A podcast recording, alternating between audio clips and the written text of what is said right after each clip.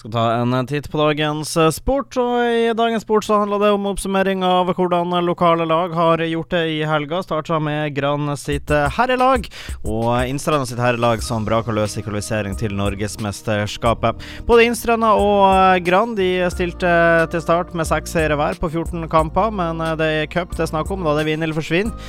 Etter 63 minutter satte Theodor Kristiansen inn kampens første og eneste mål. Dermed så blir det seier til Innstranda, som nå går videre til tredje runde runde som skal spilles 7.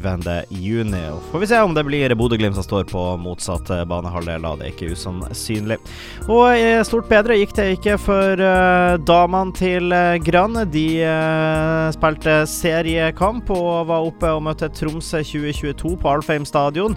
Og til pause så var stillinga 4-1 til hjemmelaget, og pynta litt på resultatet i andre omgang, Gran, men det ble et 4-2-tap i slaget om Nord-Norge for Gran. Um.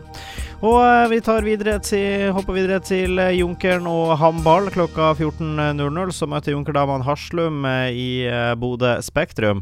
Og der ble det en tøff affære for Junkeren, som fikk en god start med tre mål på ett minutt i starten av kampen.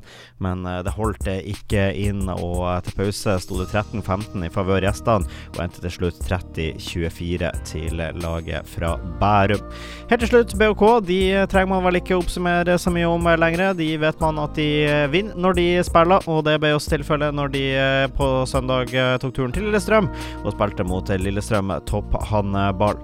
Der ble det til slutt en 28-33-seier til BHK, som fortsatt har vunnet samtlige av kampene de har sett spilt i år, og er mer enn klar for førstedivisjon til neste år.